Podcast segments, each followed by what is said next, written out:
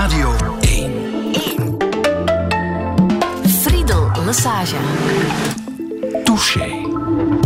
Touché vandaag met onze laatste mei 68er in Touché, Michou Verleijen. Goedemorgen. Goedemorgen. Studentengeschiedenis in mei 68, dat was je toen? Ja, dat was ik toen. ja. En daarna een aantal jaren in het onderwijs en eh, daarna een lange carrière bij KNAK als eh, journaliste. Juist. Ehm, hoe kom je aan de naam Michou? Wel, ik heet eigenlijk officieel Maria. En naar een bijzonder enge tante overigens. Maar eh, thuis vonden ze dat echt geen naam. Dus hebben ze een tijdje getwijfeld tussen Mieke. Maar toen ik mijn meter 73 bereikte, leek mij dat wat onnozel. Ze zeiden ook Michou thuis. Mijn man heeft dan Michou overgenomen en onze vrienden ook. En dan eigenlijk toen ik bij KNAK begon, dat was in het jaar 79, dat was het jaar van het kind, heb ik daar een kinderkrant gemaakt. En toen heeft Rick de Nolf eigenlijk beslist om mijn naam te spellen, wat nog nooit gebeurd was daarvoor, eerlijk Ja. gezegd. En van dan af heet ik Michou Verleijen. Heb je het zo behouden, ja. Ja. En de familienaam klinkt natuurlijk ook niet onbekend. Hè? De familie Verleijen eh, is Nee, nee. Bekend dankzij jouw vader, Cyril Verleijen, de jeugdauteur. eh, en ook twee broers van jou, hè? Karel was en eh, ook Karel. eh, jeugdauteur, hij is ook een tijdje journalist geweest bij Het Volk. Mhm. Ja, Frans is de bekendste zus als hoofdredacteur en directeur van KNAK. En op een zeker moment is mijn jongste zus ook eventjes in de pers geweest. Dus vier van de acht kinderen zijn ooit nauw verbonden geweest met de pers. Dus Ja. we zeggen, En jouw jongste zus eh, is? Trace. Ja. En op welke manier was zij dan... eh, Ik denk dat zij een tijdje hier op de VRT eh, als documentalist gewerkt heeft. En daarna gaf ze les in een opleiding voor journalisten. Mhm. Dus wij zeggen, het is een afwijking gewoon. het is, kunnen er niet aan doen. ja. Hoe zou jij jezelf omschrijven? Ik hoor dat elke keer in jouw programma. Ik vind dat een ontzettend moeilijke vraag. Hè, want, ja... Allee, Baudelaire zei, je est un autre. Voor mij, je est une autre. Ik denk dat je jezelf heel moeilijk kan kennen. Maar ik ben lerares geweest. Ik heb dat graag gedaan. Ik ben journalist geweest. Ik heb dat graag gedaan. Ik ben echtgenote. En ik hoop een goeie. Ik ben moeder. En een goeie. en nu ben ik oma. En ik hoop dat ik dat ook een goeie ben. Ja. En ik hoop vooral dat ik een heel goede vriendin ben. Omdat vrienden in mijn leven, ik heb niet veel vrienden, geef ik toe. Maar die zijn wel heel erg belangrijk. Mhm. Misschien wel het belangrijkste wat je kan hebben in een mensenleven? Vrienden? Ik denk het wel, echte vrienden, ja. ja. Ben je ook mei 68er? Zou je jezelf ook zo omschrijven? Dat is weer zoiets wat ik als historica eh, heel moeilijk vind. Mijn profilosofie noemde dat kolossaal ongenuanceerd, van zo één term te plakken op iemand. Als mei 68 wil zeggen dat we wilden vechten voor een betere wereld, voor meer rechtvaardigheid, om ervoor te zorgen dat eh, ook kinderen van arbeiders naar de universiteit konden, dan, ja, dan ben ik een mei 68 ja. Mm. En als het gaat over eh, vrouwen aan de macht, eh, Ja, ja. die strijd. Dat is allemaal meer rechtvaardigheid, ja, ja zeker. Ja. Heb je daar ook echt concreet aan meegewerkt, denk je? Wel, ik denk, of tenminste dat zeiden mijn jonge vrouwelijke collega's op KNAK, dat ik daar toch wel de deuren heb opengeschopt, laten Ja. we het zo zeggen. Ja. Michou Verleijen, welkom in Touché. Bedankt. Radio 1. 1. Friedel Lassage. Touché. We shall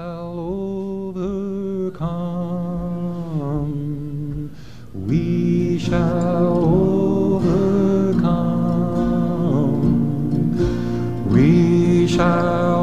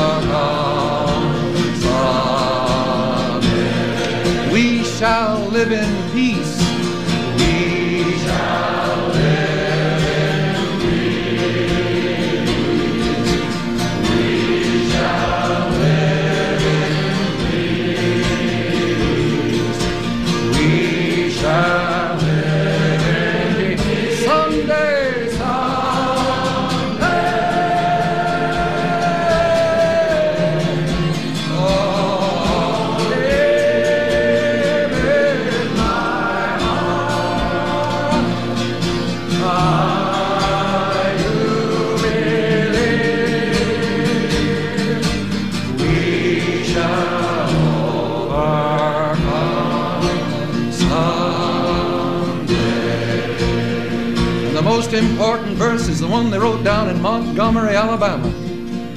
They said, We are not afraid. And the young people taught everybody else a lesson. All the older people that had learned how to compromise and learned how to take it easy and be polite and get along and leave things as they were. The young people taught us all a lesson. We are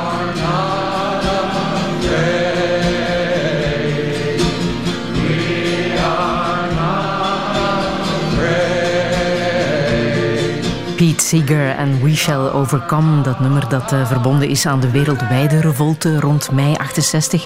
Michou Verleijen, als jij terugdenkt aan die periode, eh, begon in Leuven al in mei 66, hebben we van Paul Goossens mogen horen. Ehm, wat eh, is dan blijven hangen bij jou? Hoe heb jij die revolutie beleefd? Wel in mei 66, dus na het mandement, beroemde mandement van de bisschoppen, dan zat ik nog in de retorica in Mechelen. Wat toen een enorme indruk op mij heeft gemaakt, is de Pinkstermis van 66. Die werd opgedragen in Sint-Rombouts-kathedraal en eigenlijk gecelebreerd door kardinaal Sunes. Die toen nog een echte prelaat was, hè, die mooier gekleed was dan Sinterklaas eigenlijk. En die schreed zegenend door het middenpad. Maar die kerk zat eigenlijk afgeladen vol met studenten. Dat was na het mandement. Na het eh, mandement, ja, ja. ja. En toen begon die mis.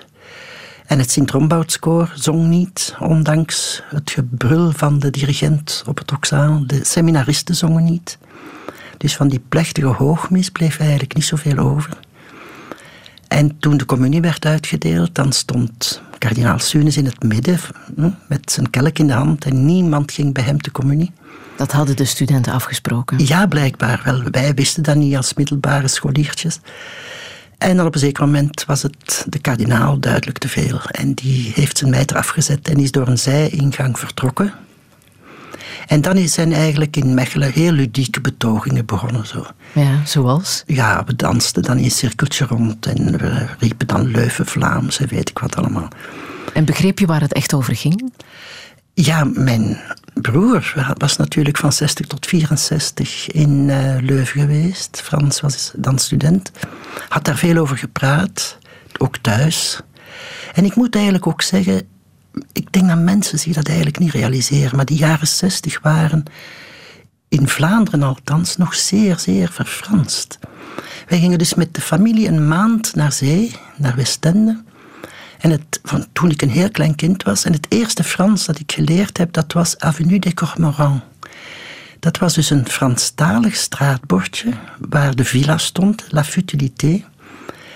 En ondanks dus de taalwetten van 32 was dat nog allemaal tweetalig Frans. Ook de missen waren tweetalig, waren eentalig Frans. De preek op zondag was in het Frans.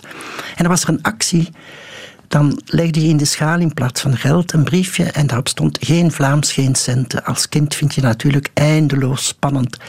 Ik weet niet of ik toen al echt besefte waar het om ging, maar het is toch eigenlijk wel, als je daaraan denkt, onvoorstelbaar dat nog in de jaren zestig de hele kust verfranst was. De tennisclub was Franstalig. De meeste winkels, daar werd in het Frans aangesproken. Dus dat Vlaamse bewustzijn Ja, begreep ik toch eigenlijk wel. Ja. Het heeft ook jou zo erg gefascineerd dat je een thesis hebt geschreven hè, over de vernederlandsing van uh, de KU Leuven. Ja, wel, dat was eigenlijk in overleg met mijn promotor, Lode Wils. En uh, eigenlijk was het de geschiedenis van de Vlaamse leergangen. Dat was een VZW.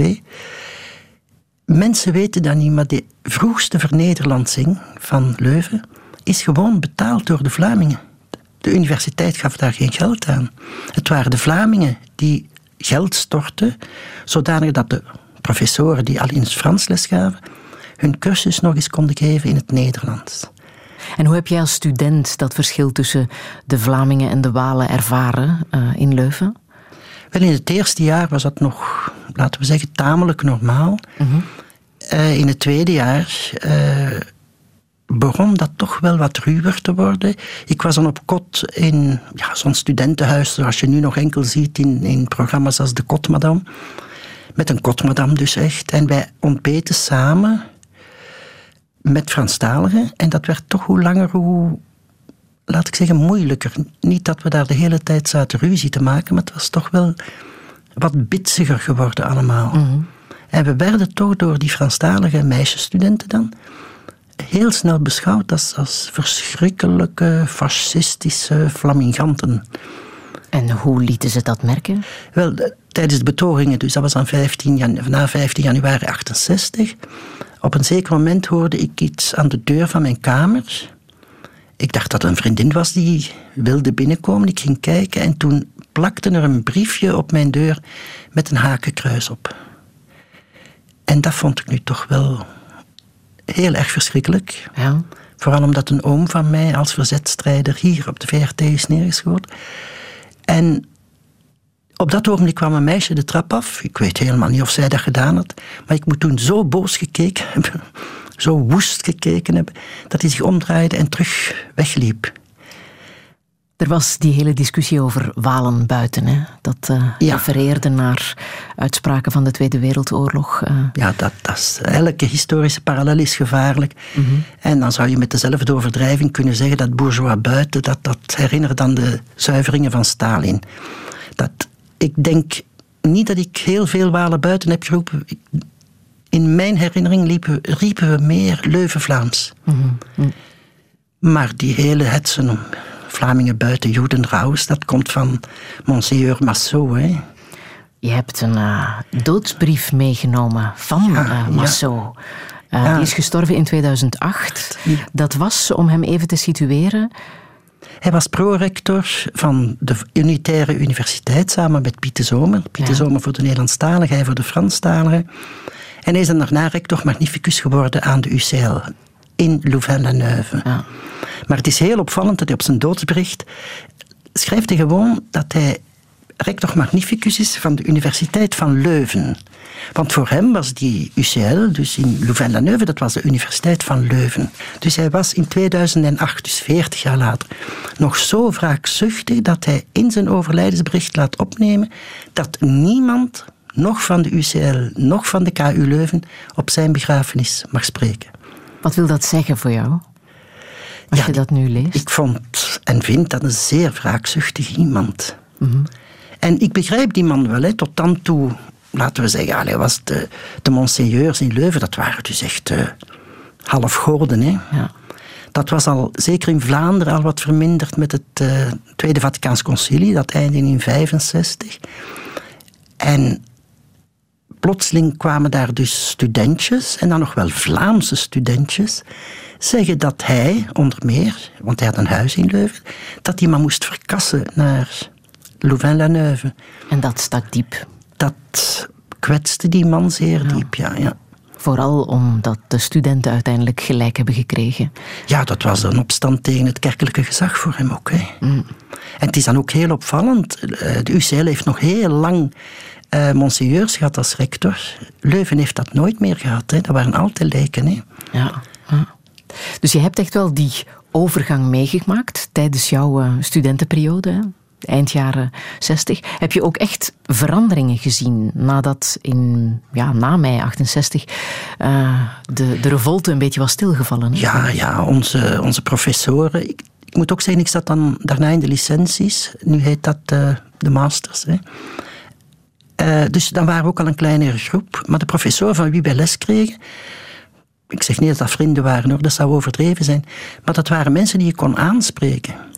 Tevoren was dat in Leuven althans onmogelijk. Dat, dat kon niet. Dat waren zo'n ergens halfgoden die daar, weet ik waar, zweefden. Hè.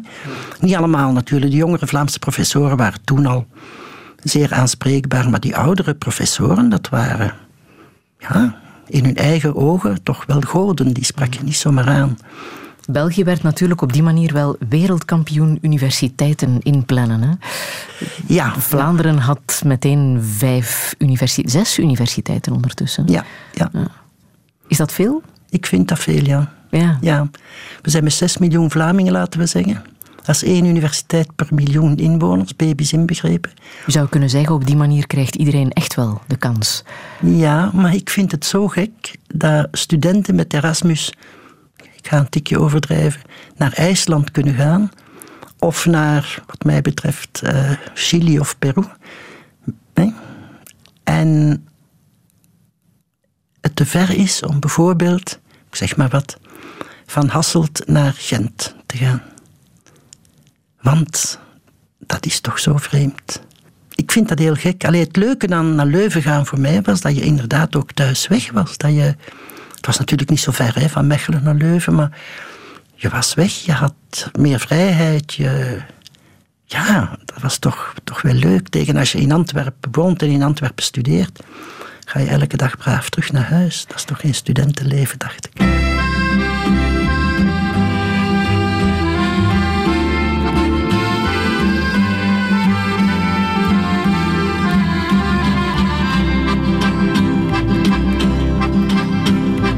Talk like Marlene Dietrich, and you dance like Zizi Jamais. Your clothes are all made by Balmain, and there's diamonds and pearls in your hair. Yes, there are. You live in a fancy apartment off the boulevard Saint Michel, where you keep your Rolling Stones records and a friend of Sasha Distel, yes you do.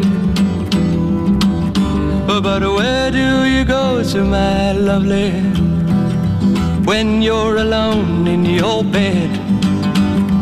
Tell me the thoughts that surround you. I want to look inside your head, yes I do.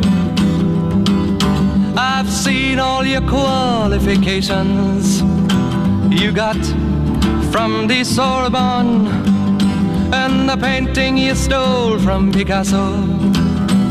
Your loveliness goes on and on, yes it does. When you go on your summer vacation, you go to Juan Lapin with your carefully designed topless swimsuit. You get an even suntan on your back and on your legs. And when the snow falls, you're found in Samoritz with the others of the jet set. And you sip your Napoleon brandy, but you never get your lips wet. No, you don't. But where do you go to, my lovely? when you're alone in your bed. Won't you tell me the thoughts that surround you? I want to look inside your head, yes I do.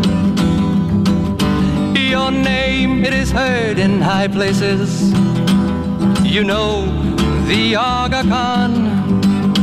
He sent you a racehorse for Christmas, and you keep it just for fun, for a laugh. they say that when you get married, it'll be to a millionaire. But they don't realize where you came from. And I wonder if they really care or give a damn.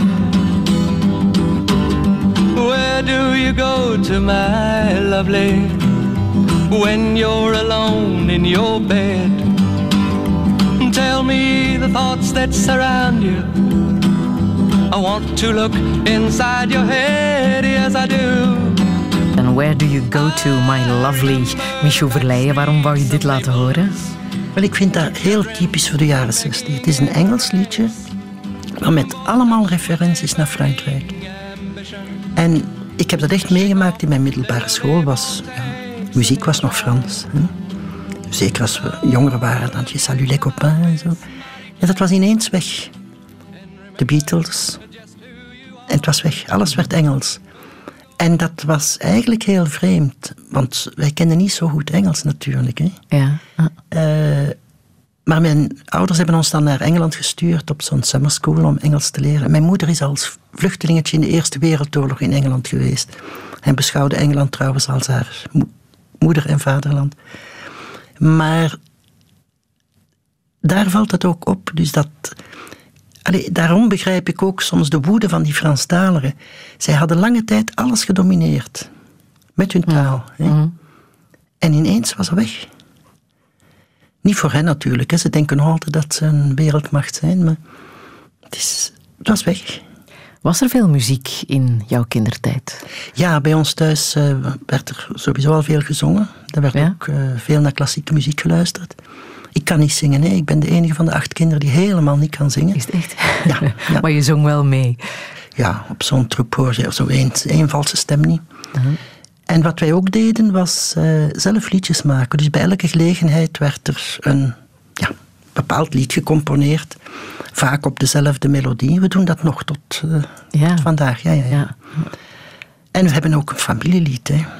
Ja, ja, ja, dat zingen we driestemmig. En dat is? Ja, dat is eigenlijk de Dendermond-seraf. Mijn vader kwam van Dendermonde en daar bestaat zo'n lied. Ik ga het niet zingen, maar dat begint heel mooi met C'est Dieu qui nous éclaire, c'est Dieu qui nous entend en wordt dan nogal belachelijk met botermelk, met kaneel en zo van die dingen. En dat zingen, zingen we samen. Alle kleinkinderen zingen dat ook mee. En dat wordt gedirigeerd door de oudste broers. En, wie was de aanstoker destijds van eh, muziek eh, ten huize Verleijen? Mijn vader, denk ik. Ja, ja, mijn vader. Hij was ook een kenner? Hij heeft dat geleerd, want hij kwam zelf uit een heel, heel, heel, heel, heel, heel bescheiden milieu, maar hij heeft dat echt wel eh, zichzelf aangeleerd. En eh, ja, daardoor was er ook allee, veel muziek bij ons thuis gewoonweg. Ik heb ook een paar jaar piano gespeeld, maar gezien ik zelfs niet kon zingen, ik kan de, ik kan de juiste toon niet horen, dus eh, Ja. is dat nogal een fiasco geworden. Ja. Jullie waren met acht hè, thuis. Ja, en mijn moeder zijn negen kinderen, 18 leven. Er is een broertje gestorven. Ik heb dat nooit gekend. We zijn dus nooit met negenen geweest. We zijn altijd met z'n achten geweest. En eh, En op heel korte tijd ook. Hè? ja, ja. Typisch voor die naoorlogse periode. Ja, al moet ik als historicus zeggen, het was in de 19e eeuw minstens zo erg. Ja. Ja. Maar het is inderdaad, wij behoren tot de babyboomers, hè, de laatste vier bij ons, de vier kleinste, zoals we nog altijd worden genoemd. Terwijl de jongste van de vier kleinste nu 68 is. Ja, ja, ja, ja, ja. En hoe was dat, die sfeer met acht kinderen aan tafel? Dat was vrij druk toch wel, ja. ja. Daar werd ook heel veel gepraat aan tafel. Eh, zeker door de ouderen dan. eh, Als we wat ouder werden, mochten we dan wel meedoen of konden we meedoen. Maar dat was wel eigenlijk heel druk. En vooral omdat er altijd vriendjes en vriendinnetjes mee aan tafel schoven. Dus nog meer volk. Nog meer volk, ja. Maar dat was eigenlijk heel gewoon bij ons thuis. Dat was normaal. Ja. Jouw vader is natuurlijk een, ja, een fenomeen geweest, hè? Cyril Verleijen. Wat moeten we over de man weten? Wel, wat ik het meest aan hem bewonder, en dat meen ik echt, is dat hij inderdaad uit een heel, heel bescheiden milieu kwam. Hij is onderwijzer geworden. Mijn vader is dan eh, beginnen kinderboeken schrijven, eigenlijk de verhalen die hij in de klas vertelde, beginnen opschrijven. Dan heeft hij gestudeerd voor inspecteur lager onderwijs.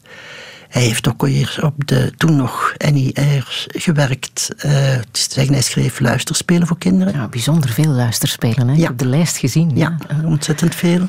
Ja. En ik vind de sprong die hij heeft gemaakt van kind van echt heel bescheiden ouders. Ik denk dat mijn grootmoeder enkel drukletters kon lezen.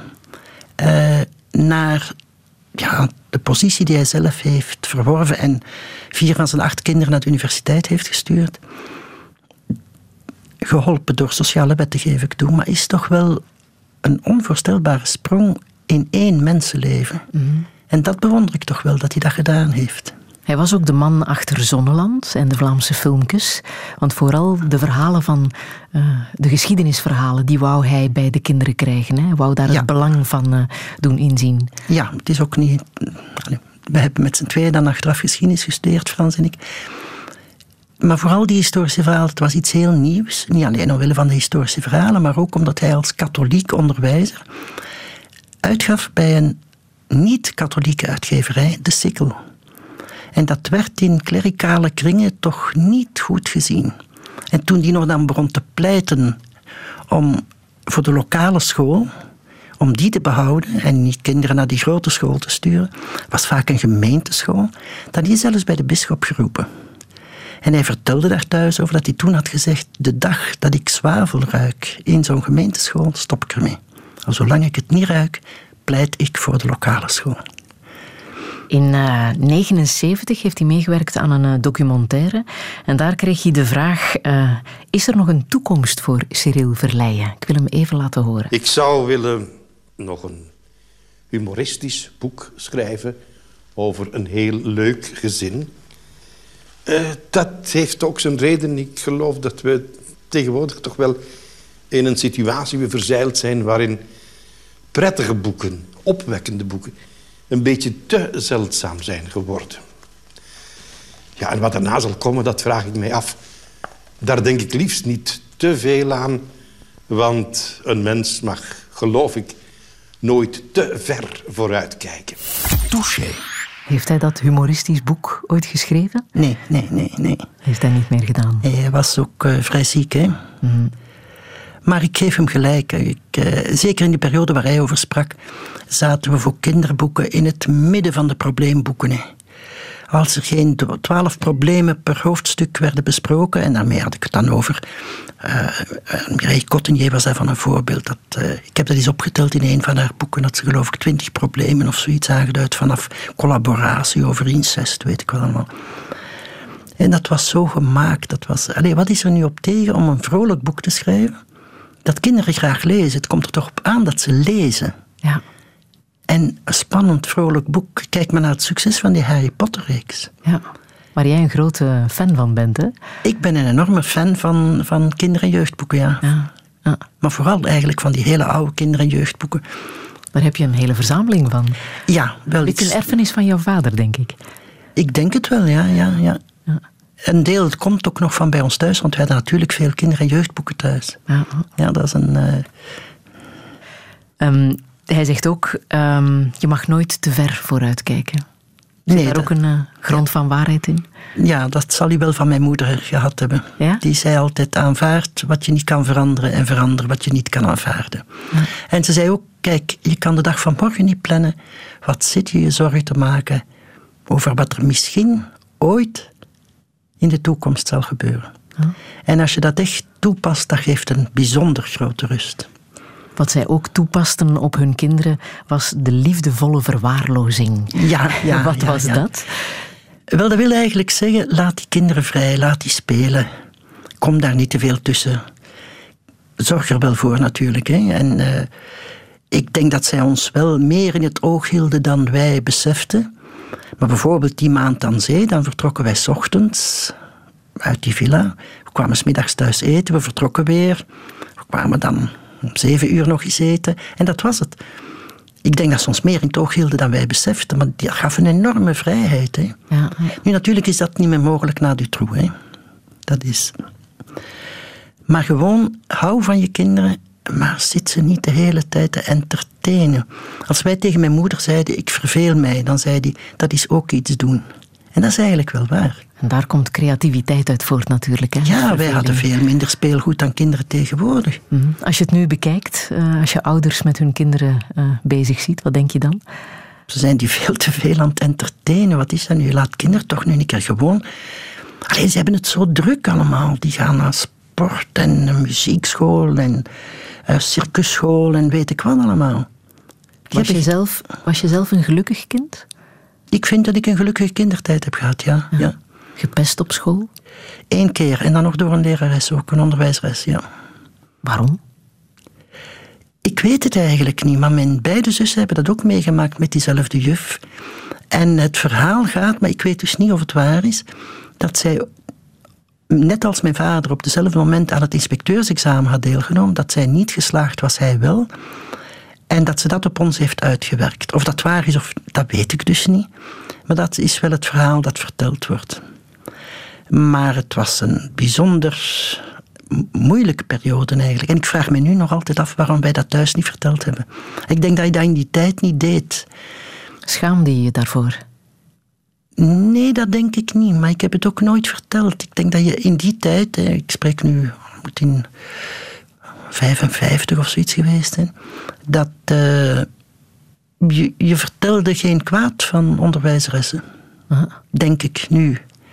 Heeft het invloed gehad op wie je bent geworden? Oh ja, ja, ja, want het was een school van de zusters van Vorselaar. En ik heb jarenlang geweigerd, jarenlang echt, om te gaan spreken in een school van de zusters van Vorselaar. Echt waar? Oh ja, ja, ja, ja. Ik vond dat een orde die dat toeliet geen beroep mocht doen op mijn kennis.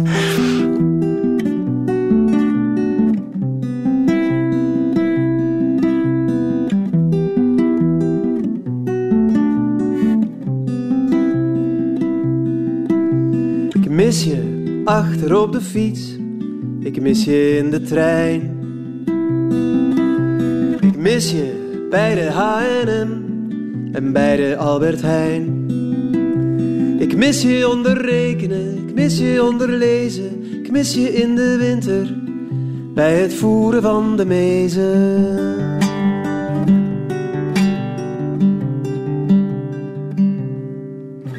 Ik mis je als ik jarig ben en als de oma's komen.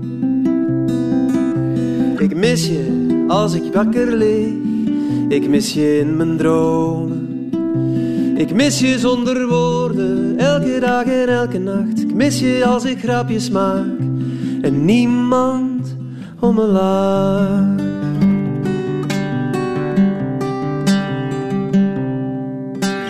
Altijd, overal, altijd en overal, altijd,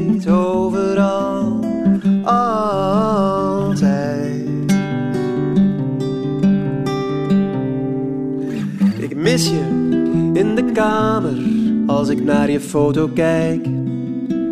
Ik mis je als we, ik en papa, fietsen op de dijk. Ik mis je op vakantie in ons huisje op de hei. En als we door de regen lopen, zonder jou erbij.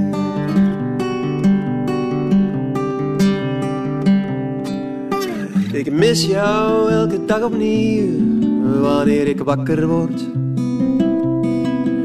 Oh, ik mis je schoenen in de gang, je beker naast je bord. Ik mis je tandenborstel naast de mijne in het glas. Ik mis je voeten op de trap. Ik mis jouw blauwe jas.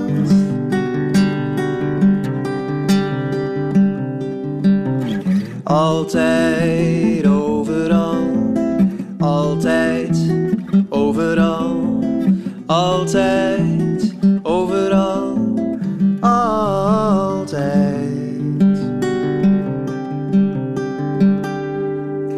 Ik mis jouw kleren in de kast, je broeken en je truien. Ik mis je geur, ik mis je stem, ik mis je boze buien. Ik mis je bij je graf als ik je naam zie op de steen. Ik mis je als ik samen ben met papa en alleen.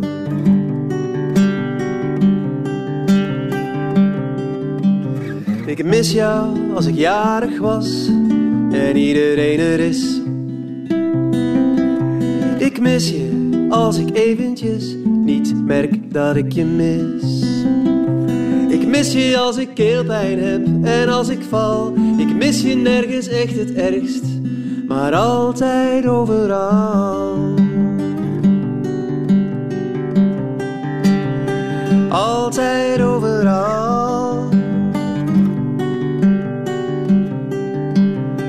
Altijd overal. Bijzonder mooi nummer van Tom Kestes, Ik mis je. Michel Verleijen, het is familie van jou. Het is een neef, ja, ja. Ik vind dat hij een prachtige stem heeft.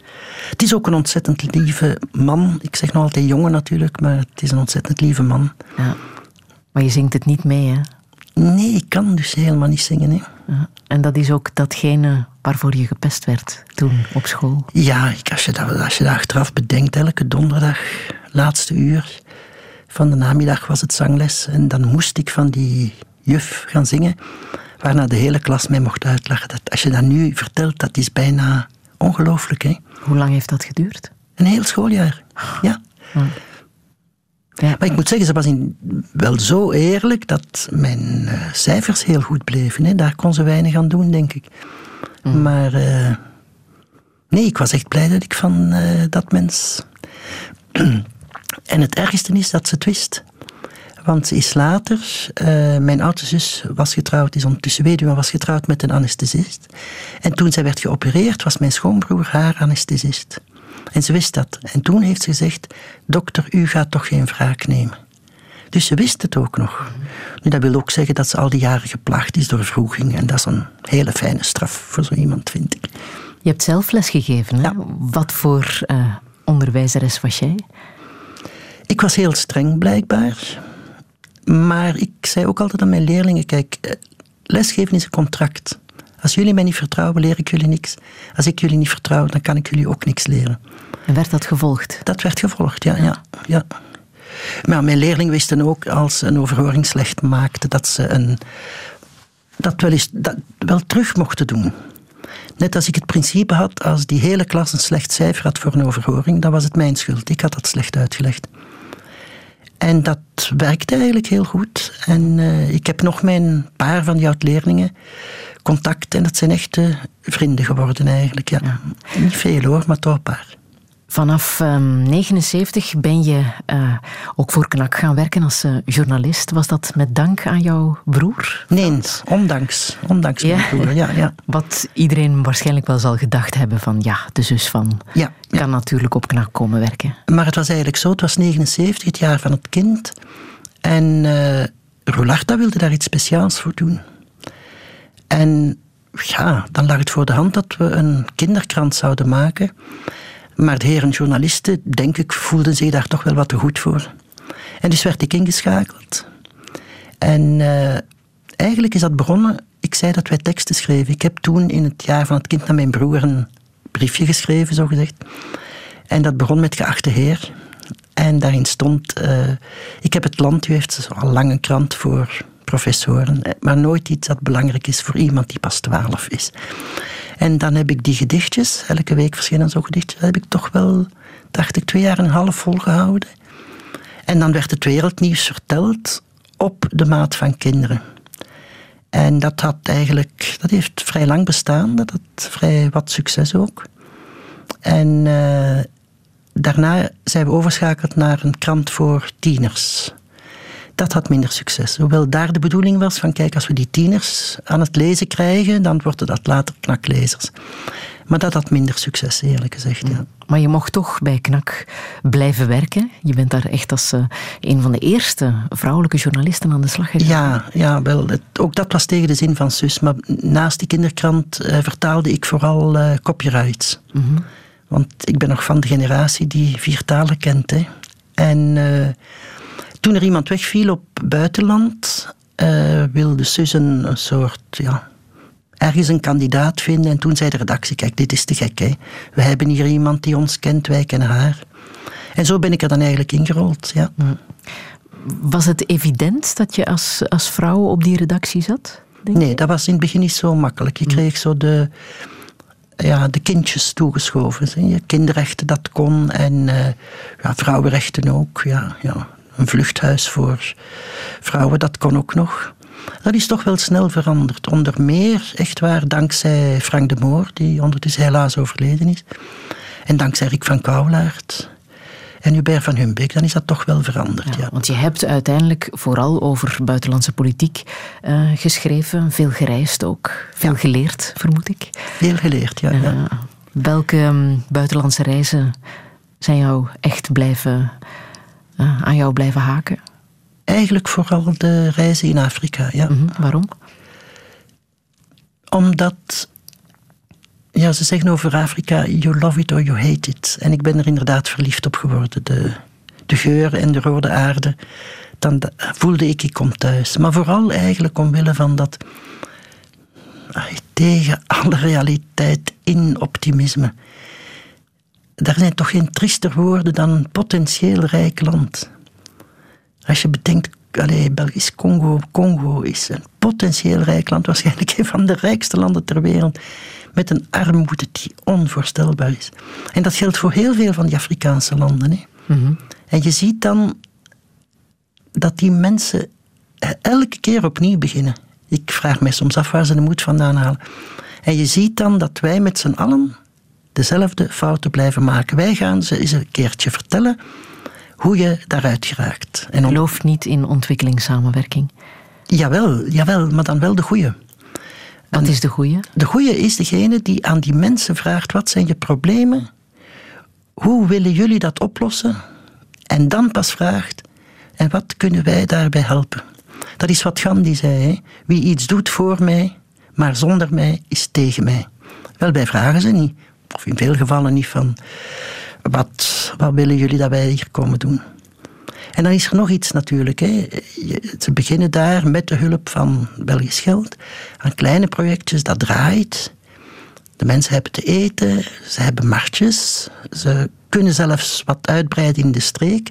Maar om verder te gaan heb je wegen nodig, heb je vrachtauto's nodig. Maar die wegen, dat is de regering. En die regering, die doet dat niet. Want natuurlijk worden zo'n projecten zeer gevaarlijk. Hè? Dan krijg je mensen die een stem hebben. En dat is echt wat je als dictator niet wil hoor. Heb je de journalistiek zien evolueren de voorbije 50 jaar? Oh ja, ja, ja, dat is duidelijk. Hè. dat is... Op welke manier? Wel, om te beginnen, toen ik kranten begon te lezen, zeg dat ik 16 was, dan waren al die kranten nog zuilgebonden. Hm? Dat is ondertussen voorbij, gelukkig maar. Alleen zeg ik, toen wist je wie er je toesprak. Je hoorde his master's voice. Nu weet je dat niet meer. Hè, Toen wist je, de Volksgazet, dat is rood.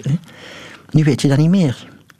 Nu krijg je zogenaamde synergieën, wat wil zeggen dat ik in mijn krant, standaard op maandag, weet ik hoeveel pagina's over sport krijg die ik eigenlijk niet vraag. Ik wil politiek nieuws. Een ander punt dat je ziet toenemen, dat vind ik een hele rare verschijnsel, is dat er nu overal fotootjes van die journalisten bij komt. Terwijl ik uit de generatie kom van een journal, c'est un monsieur.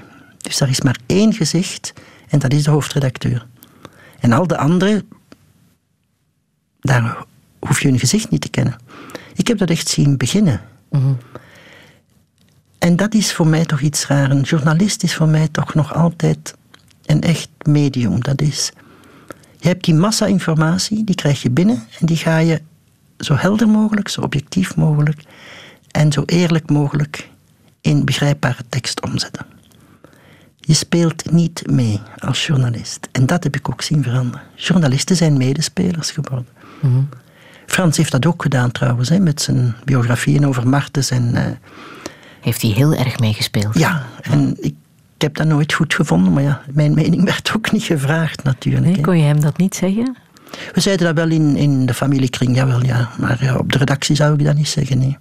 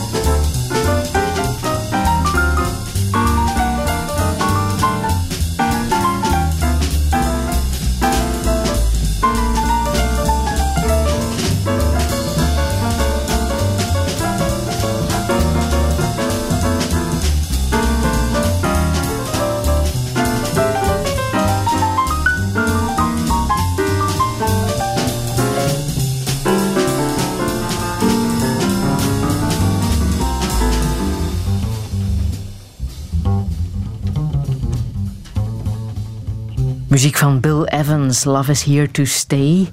Michou Verleijen, waarom wou je dit laten horen? Eh, wel, ja, dus ik zei eh, dat de muziek thuis mij niet veel zei, omdat ik ook niet kon zingen. Maar eigenlijk dankzij mijn man, die een vreselijke jazzfanaat is. Ik weet niet of je die mensen kent die zoiets horen en dan zeggen dat is in dat jaar opgenomen, de jam sessie tussen Hij die en zo die. iemand. Ja, hij is zo iemand. Heb ik eigenlijk eh, jazz leren kennen. We hebben ook eh, Lionel Hampton zien spelen in Orange. Heel wonderlijk in dat oude, eh, hoe heet dat, atrium daar. En zo ben ik dan toch terug naar de klassieke muziek gekomen. En we hebben ook buren die eigenlijk zeer goede, zeggen dan maar muzikanten zijn. Ze zullen zichzelf geen muzici noemen. En dat is heel fijn soms op een zomeravond dat we onze buurman horen piano spelen of een ander viool horen spelen. Of gewoon jazz opzetten en eh, samen luisteren. Dat is eh, ontzettend fijn. Wat doe je nog meer om tot rust te komen? Ik kom moeilijk tot rust, geef ik toe. Ik ben veel met twee of drie dingen tegelijk bezig. Dat is niet... Het is niet zo makkelijk om tot rust te komen. Zo s'avonds in de zomer op het terras aan onze tuin zitten. Daar hoort iets bij om te eten en te drinken. Hè? Daar hoort zeker een beetje wijn bij, ja. ja? ja, ja, ja. En kokerellen, doe je dat? Ik kook ontzettend graag, ja. En ik kook elke dag. Ik heb dat ook altijd gedaan, ook toen ik fulltime werkte, ja, ja. Ja. Ik vind dat ontzettend ontspannend. En heel creatief eigenlijk, hè. Reizen, doe je dat nog? Dat doen we niet meer eigenlijk. Eh, ja, mijn man is ook een stuk ouder dan ik, die is 76. En we hebben dan een dochter die eh, een lichtmentale handicap heeft, die dus ook eh, een stuk op ons beroep doet, uiteraard. En die we dus ook niet te lang alleen willen laten. We gaan wel, of we zijn een paar keer naar zee geweest, gewoon naar Nieuwpoort. Een heel mooi appartement dat uitkeek aan de ene kant op zee en op de andere kant op de IJzer. Maar dat was toen eigenlijk ook een klein beetje voor het werk, want we schreven toen samen aan eh, een reeks van Roularda over de Eerste Wereldoorlog. En we maakten dan gebruik daar om het front een beetje te bezoeken. En eh, ja, eigenlijk ja, die, die streek een beetje af te grazen. Dus niet meteen zo naar de toeristische dienst van wat moeten we zien, maar daar gewoon rond te rijden. En als we iets zagen, dan eh, dat te gaan bekijken gewoonweg. En is de zee iets dat jou aantrekt? Onvoorstelbaar, ja. Ja? Een jaar zonder de zee gezien te hebben is voor mij heel, heel, heel erg. Als je veel gereisd hebt, heb je veel zeeën kunnen zien. Hè? Ja, ja, ik heb veel zeeën gezien. ja. En, eh, heel mooi was, maar dat was in Senegal. Ik reis dus altijd, ik ben alleen en ik word dus door lokale mensen begeleid. Hè. Dat is geen chique reis. Ik slaap ook vaak, of ik sliep vaak bij lokale mensen. Hadden we op een avond zitten praten en ik had gezegd dat ik toch zo graag de zee zag. En dan hebben zij voor mij één dagje ingelast aan zee. Dus ze hebben mij daar afgezet, ze zijn me daar ook komen halen. En het was een prachtige zee overigens. En een heel grappig hotel. Dat waren kleine bungalowtjes ook, kleine... Alleen een slaapkamer en een uh, suite. Hè. Heel eenvoudig. En dat was heel grappig, omdat daar zo pijlen stonden. Zo dortoir stond er dan, dat was dan naar de bungalowtjes. Refectoire, dat was dan naar het restaurant. Dat was eigenlijk heel mooi. Ja. Ah. Een hele mooie dag. Ben je ook een kunstliefhebber? Ja, maar voor mij moet. Hoe zeg je dat? De, het, het moet zo'n beetje samenvallen. De sfeer en het kunstwerk moet wat samenvallen. Ik weet dat dat heel gek klinkt. Maar wat op mij enorme indruk maakt, is bijvoorbeeld als je. Zeg maar wat, je, je bent op vakantie, je, je loopt rond en je ziet plotseling iets dat je ontzettend blij maakt. Had je dat met de ijsbeer van Pompon Dat had ik met de ijsbeer van Pompon. Ja, dat, Ja. eh, we waren toen in Bourgogne, waar we dus grazen. Hè. We gaan niet noodzakelijk eh, met de reisgids in de hand. En plotseling stond hij daar, helemaal alleen. Stapte die, want hij stapt echt. hè. En eh, we hadden hem al in Middelheim gezien hoor, daar staat er eentje. Hè. Maar dit was, was mooier. De, ja, omdat die, de sfeer was er ook helemaal. We gingen ook niet kijken naar de ijsbeer zoals we wel in het Middelheim hebben gedaan. Hij stond daar ineens. Het was zo'n echte ontmoeting. Ja. En- Terwijl de kunstenaar een, eh, ja, niet zo'n vrolijk leven heeft gehad. Nee, nee, Pompon heeft... eh, het is wel een prachtige naam, hè. Pompon. Ja. François Pompon. Nee, want hij was al tamelijk oud toen hij eigenlijk echt geapprecieerd werd. Hè. Hij was, eigenlijk hakte hij beelden voor Rodin en zo. Hè. Ja, maar toch arm en eenzaam gestorven. Ja, ja. En ik vind het ook zo, zo mooi dat die man eh, een, een protestbrief schrijft eigenlijk. Na de Eerste Wereldoorlog neemt hij deel aan een wedstrijd om een oorlogsmonument te maken. En dat gaat niet door. Ze kiezen voor ja, zo'n gewoon soldaatje uit de catalogus. Hè, want dat was dus echt de catalogie waar je je oorlogsmonument kon kiezen. Hè. En dat heeft hem heel erg verbitterd.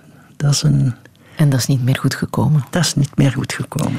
Maar laten we toch naar zijn werken gaan kijken. Hè. Onder andere in het eh, Middelheim. Ik heb nog muziek uit eh, de film Milou en mai.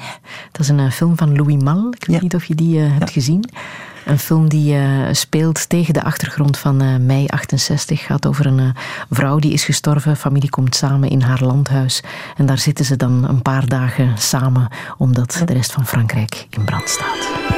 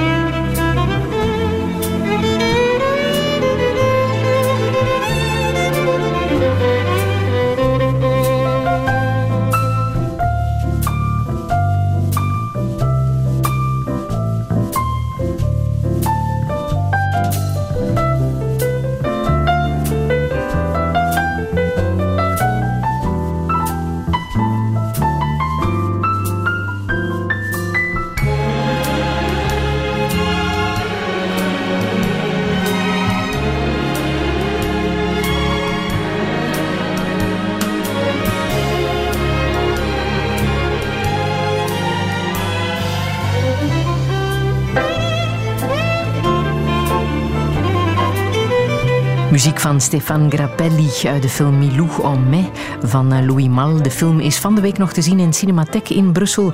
Daar zijn allerlei films rond mei 68 geprogrammeerd. Radio 1. Friedel Lassage. Touché. Touché met gewezen knakjournaliste Michou Verleijen. In mei 68 was ze studentengeschiedenis en heeft ze de strijd om Leuven-Vlaams aan den lijve ondervonden.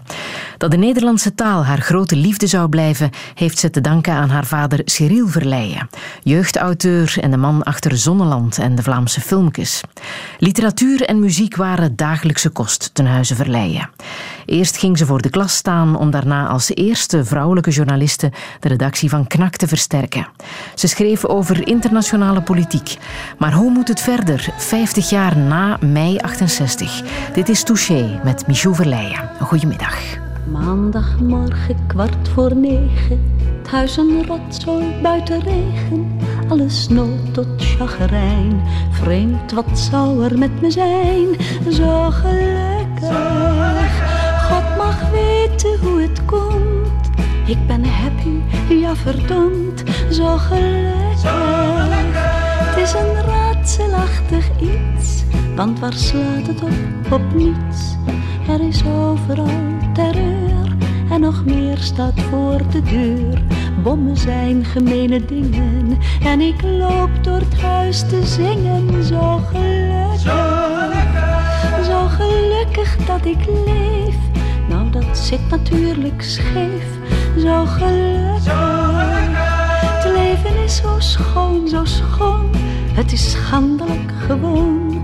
Het getuigt van slechte smaak dat ik niet doorlopend braak, dat ik niet doorlopend kots van de wonderwerken Gods. Zo gelukkig, het is volstrekt gewetenloos. Hopelijk blijf ik niet altoos.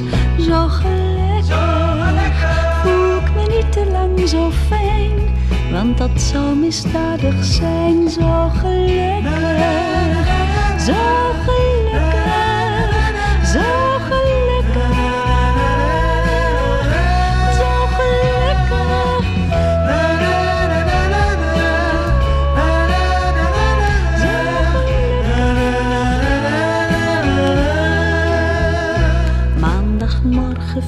voor negen. Het huis een rotzooi buiten regen.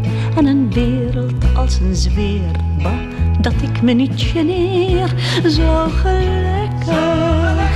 Het is smerig, het is laf. Wacht, het zakt geloof ik af. Oh gelukkig. Ik was al bang dat het voortaan stomweg nooit meer weg zou gaan. Maar het was van korte duur. En om klokslag negen uur voel ik me weer correct en kies. Zoals het hoort ontzettend mies.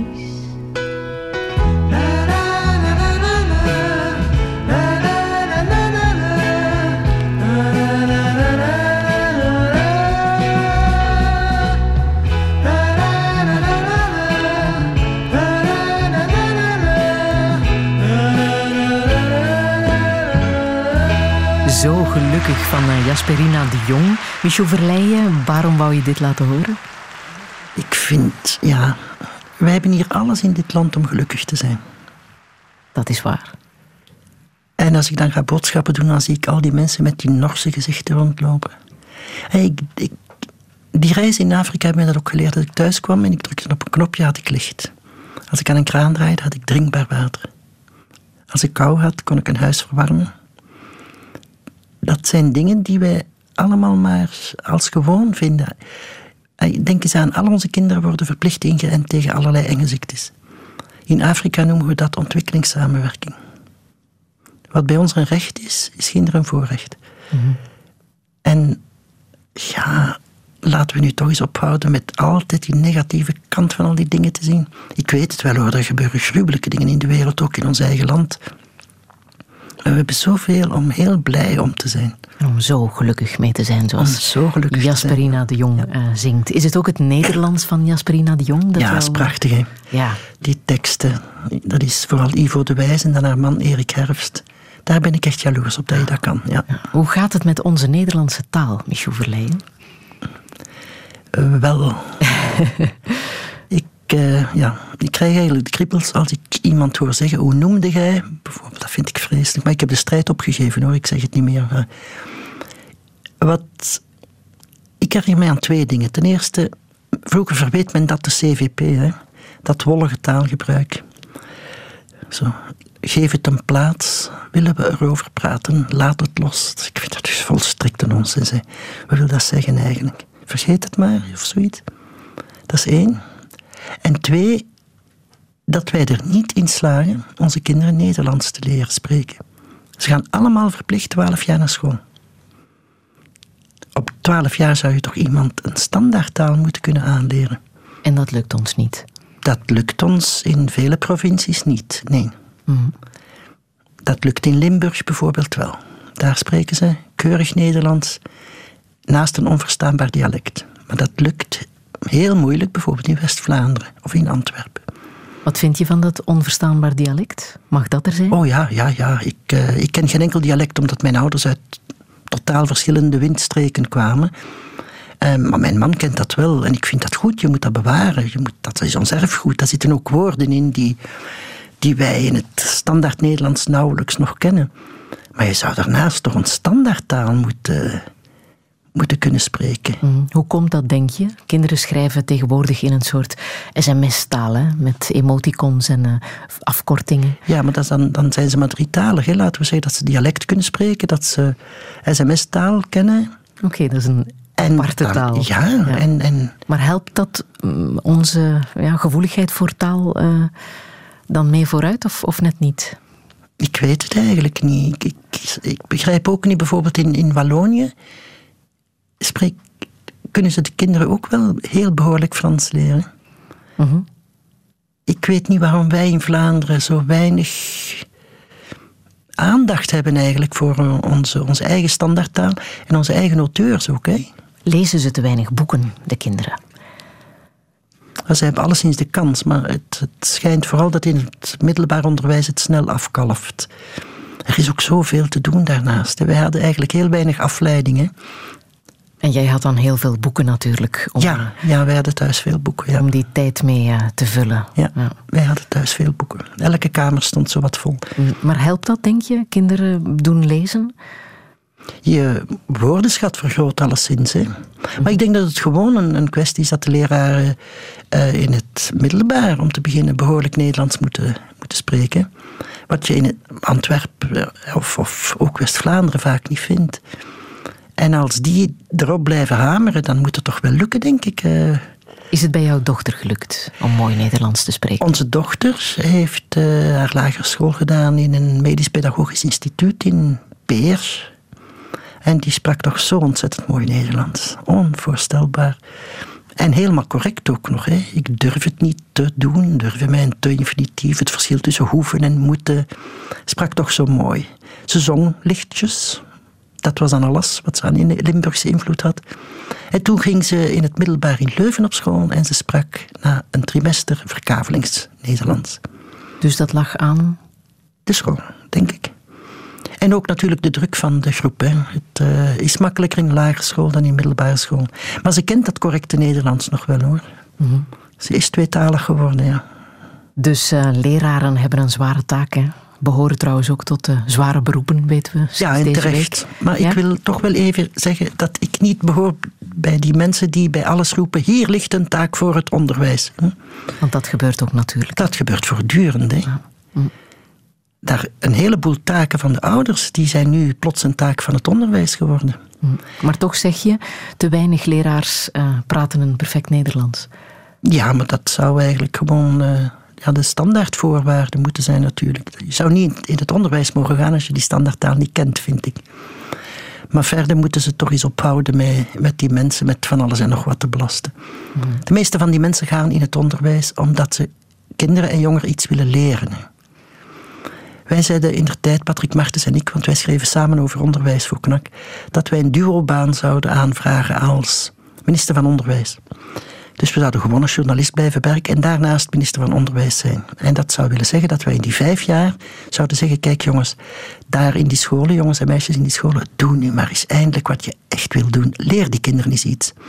En we houden de inspectie vijf jaar binnen en we houden al de leerplannen vijf jaar weg. Leer ze nu eens iets.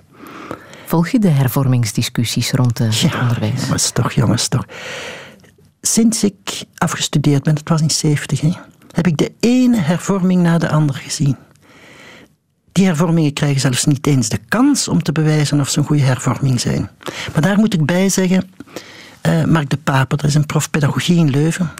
Een van mijn hartelijke dotten, want die stelt zich altijd voor, ik ben pedagoog, maar ik kan er niet aan doen. Die heeft ooit een boek geschreven, De Pedagogisering Achterna. En daarin is een van zijn conclusies: al die vernieuwingen hebben ons onderwijs niet slechter gemaakt dankzij de weerstand van de leraren. Dat is eigenlijk wel een vreemde conclusie. Ik zou echt zeggen, hou er nu eens in godsnaam mee op. Laat die mensen nu eens lesgeven.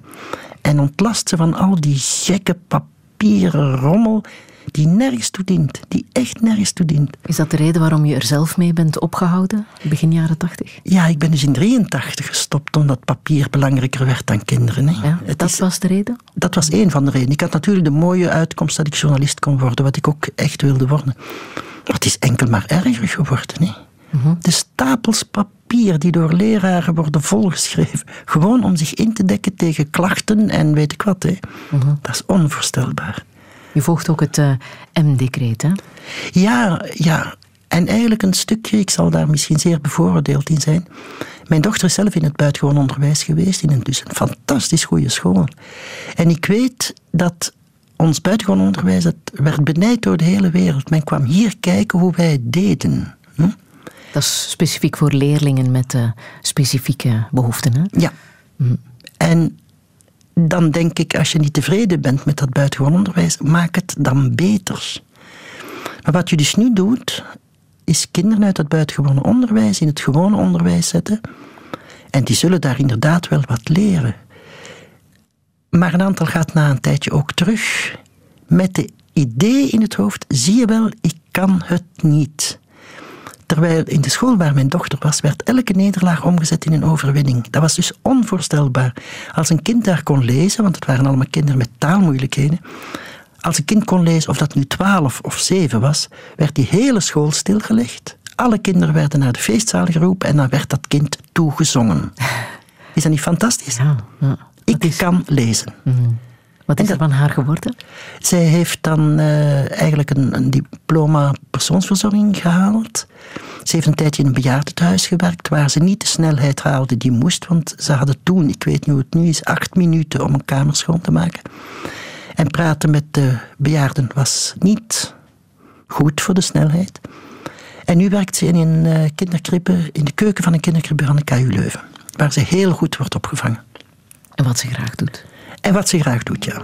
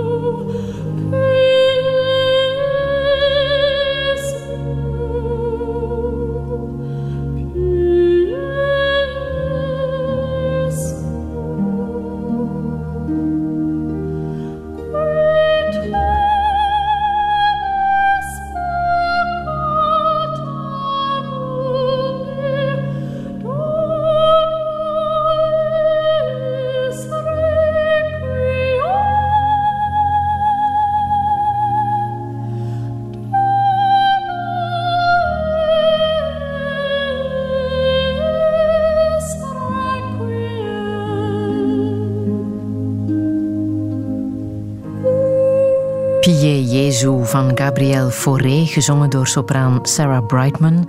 Michou Verleijen, welke herinnering hangt er vast aan deze muziek? Ja, dat... dat uh, enfin, niet de sopraan, maar het is gespeeld op de herdenking uh, van de dood van zus. En ik moet eerlijk zeggen, van de begrafenis herinner ik mij veel minder dan van die herdenking. Ik denk dat de begrafenis ook emotioneler was. Maar wat ik daar zo ongelooflijk prachtig aan vind, aan dat requiem van Fauré is dat hij dat DSI-re daaruit laat. Die wraakzuchtige God van het Oude Testament is weg. Je krijgt enkel dat gebed van lieve Jezus, geef hen de eeuwige rust. Dat is het eigenlijk. Hè? Mm Is dat, ook wat, wat past bij Frans Verleijen, bij jouw broer, bij zus? Ja, ik weet, dat, dat weet ik eigenlijk niet. Uh, ik denk dat zus uh, zijn hele leven, en oh, zeker op het einde van zijn leven, een beetje zwalpt heeft, laten we zeggen, tussen dat oude katholicisme dat hij nog gekend had, dat ik veel minder heb gekend, en zijn afkeer van kerkelijke instellingen en, en kerkelijk machtsmisbruik, wat hij veel meer heeft gekend dan ik natuurlijk. Maar de, ik denk die, die vraag van eh, geef hen de eeuwige rust, dat dat wel bij hem past. Ja, ja. Mm. Wat is de sterkste herinnering die je aan je broer overhoudt? Oh, dat is vooral een kinderherinnering. Ja? Ja. Hij bracht mij naar school. Hij had een, ik zat achter op de fiets, maar hij stapte ernaast. En hij vertelde mij toen, ik vond dat enorm spannend. Hij zat dan in de, het eerste jaar middelbaar. En hij vertelde mij die Romeinse verhalen. Wat ik vooral heel spannend vond, was de moord op Caesar. Waar, wij zijn nog Caesar, hè? Keizer is dat geworden ondertussen. Met dat uh, tu quoque filimi. Dat, dat vond ik onvoorstelbaar spannend. En hij vertelde dus elke keer onderweg wat hij op school had geleerd. Het heeft ook lange tijd mijn rekenen op school uh, verknoeid. Want hij werkte dan met negatieve getallen. Wat je in de eerste klas niet kan. Hè. Ik zat in de eerste klas. En uh, dus ik trok vrolijk 5 min 7 is min 2. Dat had hij mij geleerd, maar dat klopte dus niet volgens de juf. Dat, uh, dat is eigenlijk mijn, mijn beste herinnering aan hem. Enfin, mijn oudste herinnering. En ook iets dat, dat wij samen hebben beleefd natuurlijk. De... Maar zoals heel veel mensen hem herinneren, is als een heel aanwezige man. Hè? Een, uh, een ja, entertainer, ja, een ja. Uh, man die echt wel heeft geleefd. Hè? Hoe, hoe ver ging hij daarin? Heel ver, denk ik. Ja. Ik denk, uh, als hij zich had verzorgd, dan zou hij misschien langer geleefd hebben, maar dan was het wel niet zus geweest. Mm -hmm. Wat was zo typisch aan hem, denk je? Oh, dat, dat uh, zingen, gedichten voordragen. Hij dronk als hij, niet, als hij niet moest werken natuurlijk. Hij at heel graag, hij kookte heel goed. Hij leefde eigenlijk ja, dubbel. Mm -hmm. Sliep weinig, uh, was heel nieuwsgierig naar alles. En ik vind voor hem heel typisch, hij kon dus verbanden leggen die, die niemand zag eigenlijk. Hè. Wat hij ook deed hè, als hoofdredacteur ja. en directeur van KNAK, een kwart ja. eeuw lang, had hij ook bijzondere banden met uh, behoorlijk wat politici uit allerlei strekkingen. Ja, daar waren wij niet zo gelukkig mee. Maar hij had ook een, een, een bijzondere band met zijn lezers. Hè. Dus uh, de dag dat hij gestorven is, hebben we als familie gevraagd om het nieuws tot vijf uur stil te houden. Hij is op de middag gestorven. Uh, om de familie te kunnen inlichten natuurlijk. En toen het nieuws op vijf uur op de radio is geweest, ik was dan onderweg van Gent, waar hij gestorven is, naar huis, dan zijn de telefoons op knak beginnen rinkelen. Lezers die hun deelneming aanboden. Dat is toch vreemd, alsof ze zelf een familielid hadden verloren. En de mensen die toen op de redactie zaten, ik ben hen nog altijd dankbaar dat zij die telefoons hebben bemand tot, ik dacht, tien uur s'avonds. Mm -hmm. Maar zijn woord vooraf was legendarisch, hè? Ja, ja, in elk geval. Ja. En wat mij vooral opvalt, als, als ik nu sommige van zijn teksten teruglees, is hoe soepel dat Nederlands nog is, na zoveel jaar. Mm. Dat kun je niet van elke journalist zeggen na twintig jaar of dertig jaar. Mm. Om je memorie misschien wat bij te spijkeren, die begrafenis van hem in Lissewegen was uh, in oktober 97. Ja. Uh, indrukwekkend. Daar sprak onder andere Hugo Claus, maar ook een zeer aangeslagen Guy Verhofstadt. wil ik even laten horen. Op deze dag wil ik namens mezelf en allen hier getuigen dat hij, zus, een mooi man, een prachtige mens was. Een reusachtige boom. Een Olia Europea zoals je die alleen in Puglia ziet als ik niet lief had, geen broeder had of geen vader was, dan zou ik zeggen dat jouw vriendschap beter dan de liefde was. Beter dan het broeder- en vaderschap tegelijk. Touché. Een vriendschap die beter was dan de liefde. Het zijn grote woorden hè, van Guy Verhofstadt. Ja, in elk geval. Maar ik denk ook dat ze echt heel goed bevriend waren. Ja. Als, u kan dan zeggen, ja, als hoofdredacteur of directeur van het KNAK mocht dat niet. Maar je kan natuurlijk niet zeggen, ik wil geen vriend zijn, omdat je nu in de politiek zit. Dat is...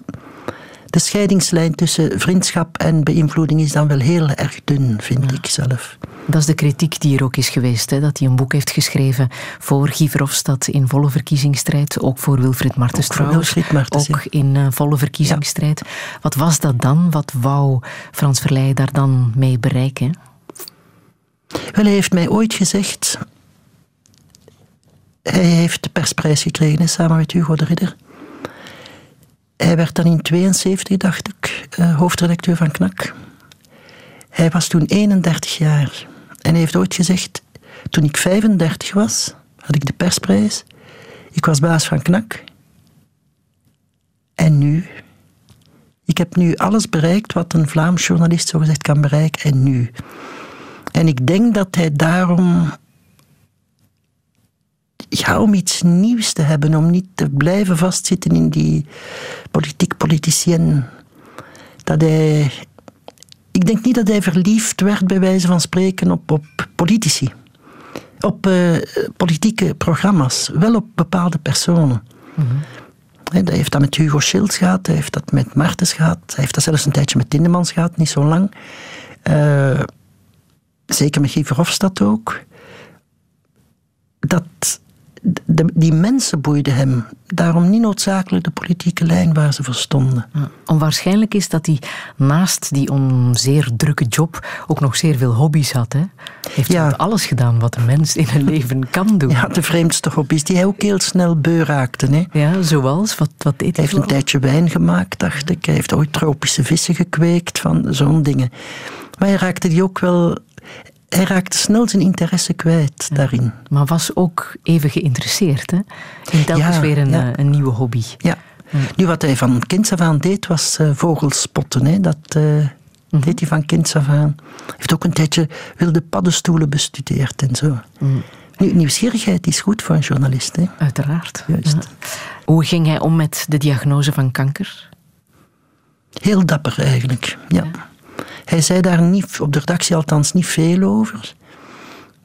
Uh, maar het is gek, hij is de enige bij ons thuis, was de enige bij ons thuis met sluikhaar. En ik wist als hij chemo kreeg, begon dat haar te krullen, zoals al ons haar een beetje krult. Dus ik wist dan dat hij opnieuw chemo nam. Maar hij zei dat maar tegen een paar mensen op de redactie. Hij heeft dat ontzettend waardig en dapper gedragen. Dat is een, uh, ja, zeven jaar lang. Zeven jaar lang is hij ziek geweest. Ja. ja. Um, in een documentaire um, zei hij dit over het uh, mysterie van de godsdiensten. Ik denk dat godsdiensten, kerken, door de mens gecreëerd zijn van in de oertijd. Uh, van zodra we ergens een, een archeologische beschaving zien ontstaan, zien we dat de mens godsdienst maakt. Of culten, of uh, een, systeem om de angst voor de dood te overwinnen. En vandaar denk ik dat godsdiensten nuttig zijn om samenlevingen op te bouwen. Daar ben ik van overtuigd. Maar vind ik ook dat godsdiensten mysterieus moeten zijn. Dus waar is de mens, waar wordt hij naar getrokken in zijn grote, grote bestaansproblemen? Naar de duisternis van een kerk met flakkerende kaarsen. Godsdiensten dienen om de angst van de dood te overwinnen. Heeft hij um, ergens in geloofd, denk je? Wel, ik, uh, hij heeft daar zelfs uh, een boek over geschreven, hè, want buiten is het koud. En Rick Torf zei daarover dat het zo was dat bij Sus de emotie altijd de ratio overwon. Dat hij er niet mee om kon dat de spelregels van de godsdienst die hij in zijn kindertijd had gezien, dat die veranderd waren.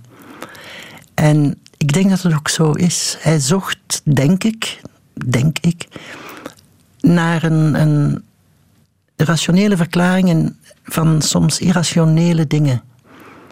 En dat, uh, ik denk dat hem dat ook stoorde. Maar hij heeft dus in één ding wel gelijk. Godsdiensten helpen samenlevingen opbouwen. Hè. Godsdienst is de eerste natievormende kracht, niet taal, godsdienst. Dat weten historici. Dat is zo. Waarin geloof jij? Ik geloof in God, ja. Niet zo de het oog in van hier vloekt mij niet, God ziet mij niet, in die eh, oude man met de baard. Ik geloof in een kracht die mij op heel moeilijke momenten veel steun geeft, ja. En hoe uh, zie jij die God? Ik zie die niet. Hmm. Die, ik hoef die ook niet te zien, ik bedoel...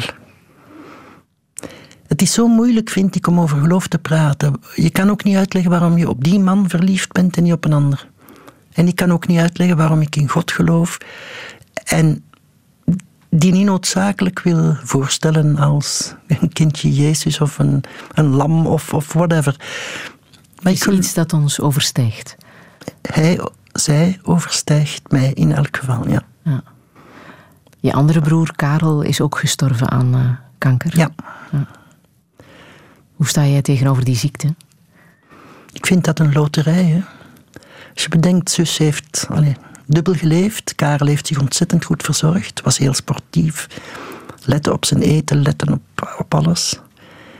En ze hebben allebei diezelfde ziekte gehad. En veel te jong gestorven, allebei. Zus in elk geval, hè. Mhm. Ja. ja. 56 is natuurlijk wel... Het was voor mij heel raar om 56 te worden. Ik dacht van, ik ben nu ouder. Mijn ouders zijn ook allebei eh, jong gestorven. Ze waren 67.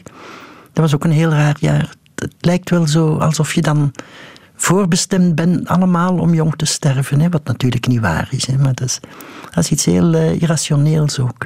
Ben jij bang voor de dood? Nee. Niet echt, nee. Nee, nee, ik ben niet bang voor de dood. Ik zou wel bang zijn. Ik ben in elk geval bang, moest dat een, een aftakelingsproces, een dementie of zo voorkomen. En ik zou... Ik ben banger dat mijn man of mijn dochter iets overkomt. Ik wil niet alleen blijven, laat ik het zo zeggen. Maar de, ik ben niet bang voor de dood, nee, nee. Is er iets na de dood? Voor mij wel, ja. Maar ik kan dat ook niet beschrijven. Ik geloof niet in een hemel met rijstpap, hoewel ik ontzettend graag rijstpap eet. maar eh, het leven is niet zinloos. hè. Niet voor mij, althans. Het leven kan banaal zijn en ve- veel mensen kunnen daar niet mee om. Maar het leven is niet zinloos. Niet voor mij toch. Wat is dan de zin van het leven? Voor mij is dat zeker ook de, de liefde voor mijn man en dochter. De liefde voor mijn gouden schoonzoon, want het is een gouden schoonzoon. De liefde voor mijn kleinzoon nu. De vriendschap. De poging toch om op deze wereld met mijn man, met mijn dochter, met mijn schoonzoon, met mijn vrienden een eigen kleine hemel te creëren. Iets te doen waarin mensen zich goed voelen. Dat is dan voor mij toch wel de zin, ja. Ils étaient vingt et cent, ils étaient des milliers, nus et maigres, tremblants dans ces wagons plombés qui déchiraient la nuit de leurs ongles battants. Ils étaient des milliers, ils étaient vingt et cent. Ils se croyaient des hommes, n'étaient plus que des nombres. Depuis longtemps leurs dés avaient été jetés. Dès que la main retombe, il ne reste qu'une ombre. Ils ne devaient jamais plus revoir un été.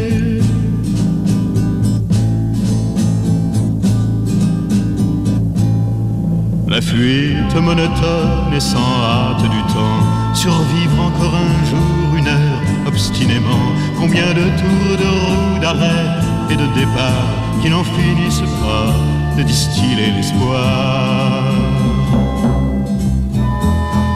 Ils s'appelaient Jean-Pierre, Natacha ou Samuel. Certains priaient Jésus, Jéhovah ou Vishnu. D'autres ne priaient pas, qu'importe le ciel.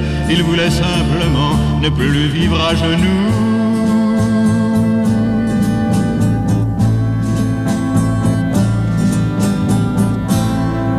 Ils n'arrivaient pas tous à la fin du voyage. Ceux qui sont revenus peuvent-ils être heureux? Qu'ils essaient d'oublier, étonnés qu'à leur âge, les veines de leurs bras soient devenues si bleues. Les Allemands guettaient du haut des miradors. La lune se taisait comme vous vous taisiez. En regardant au loin, en regardant dehors, votre chair était tendre à leurs chiens policiers.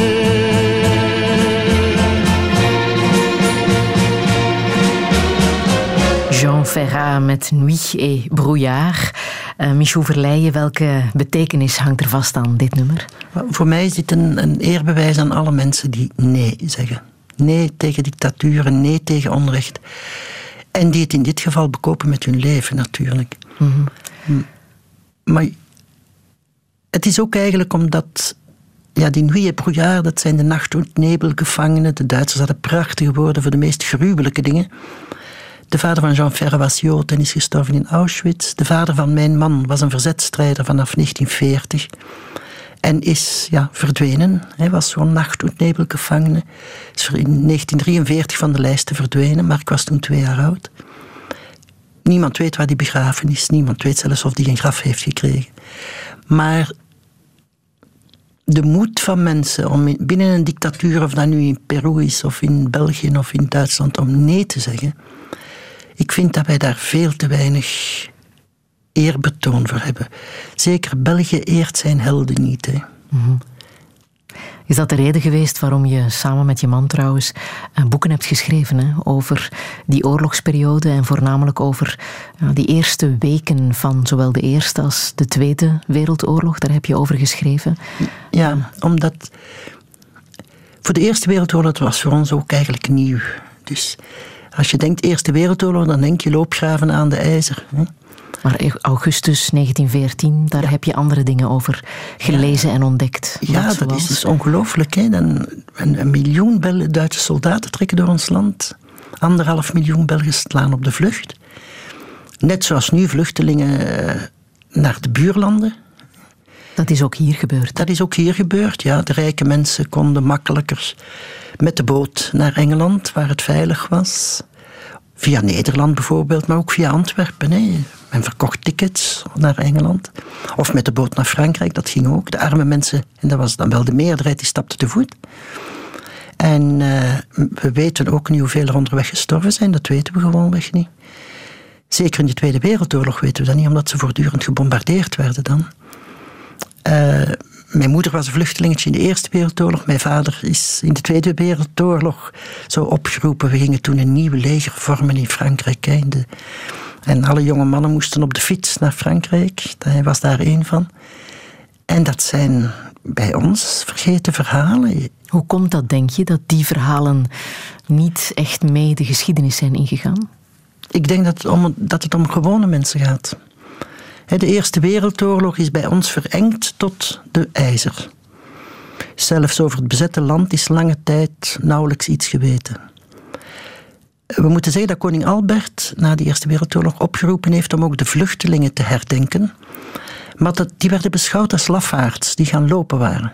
En die dus uh, helemaal niets hadden meegemaakt. Hè, terwijl de bezette Belgen toch zoveel hadden meegemaakt. Ja, maar dat waren meer dan een miljoen Belgen hè, die zijn ja, op de vlucht geslagen. Dus in beide gevallen was dat de grootste volksverhuizing die ons land heeft gekend. En het zijn vergeten verhalen.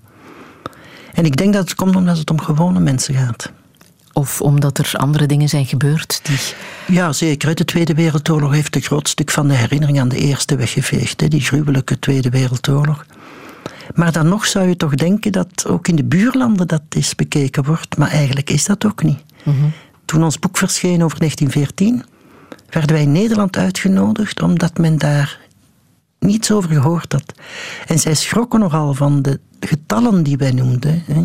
En ook over wat er met die vluchtelingen gebeurde, want het was niet alleen het feit dat ze op de vlucht waren, te voet en in penibele omstandigheden. Het waren ook de verkrachtingen. Hè? Ja, dat vooral eigenlijk door Duitse soldaten hoor. De, ik denk niet dat er veel Belgische vrouwen en meisjes verkracht zijn door Nederlandse grenswachters. Mhm. Maar wel door Duitsers, hè, ja, in elk geval. En dat was toen nog een veel groter taboe dan vandaag, zeker.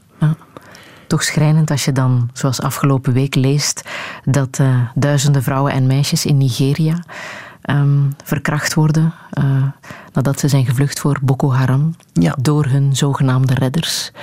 We leren niks uit de geschiedenis.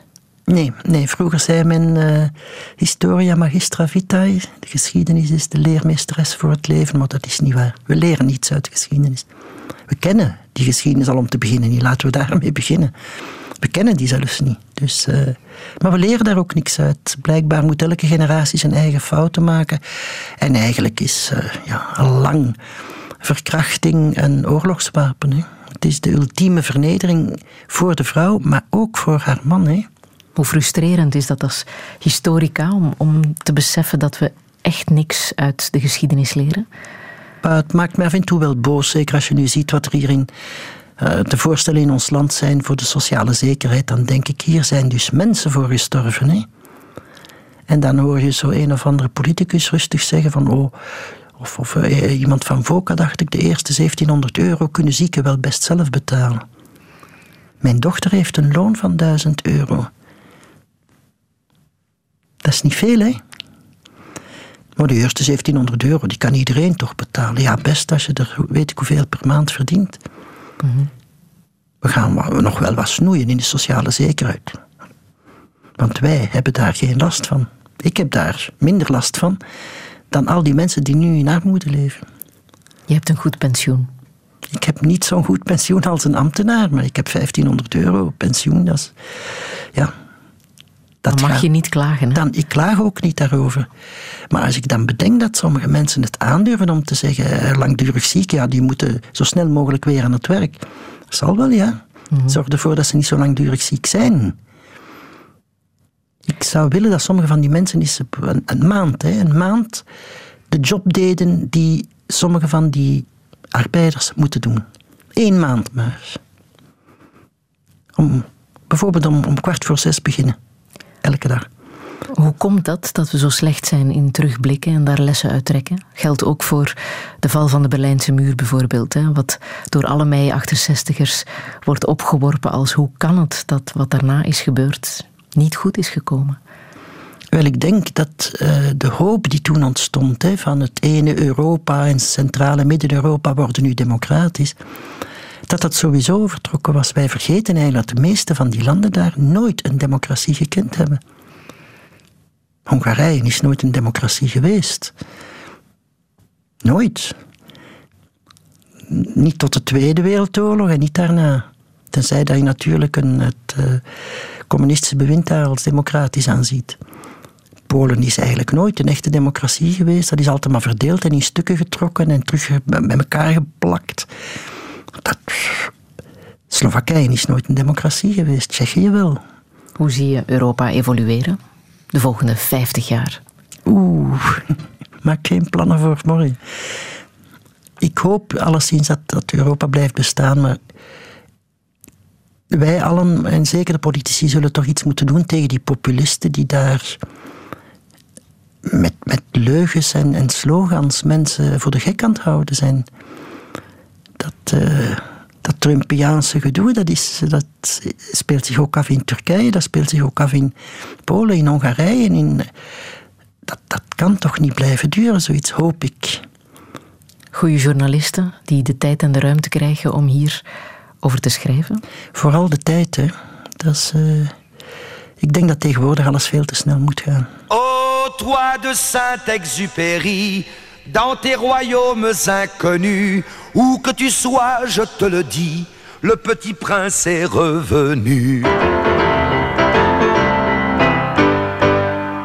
Je l'ai vu ce matin qui jouait sans défense avec le serpenteau qui le mordit jadis, qui le mordit jadis. Ouais, le soleil arrivait sur les terres de France et le vent tôt levé chantait sur les maïs, chantait sur les maïs. Ouais, oh, toi de Saint-Exupéry, dans tes royaumes inconnus, où que tu sois, je te le dis le petit prince, je l'ai vu.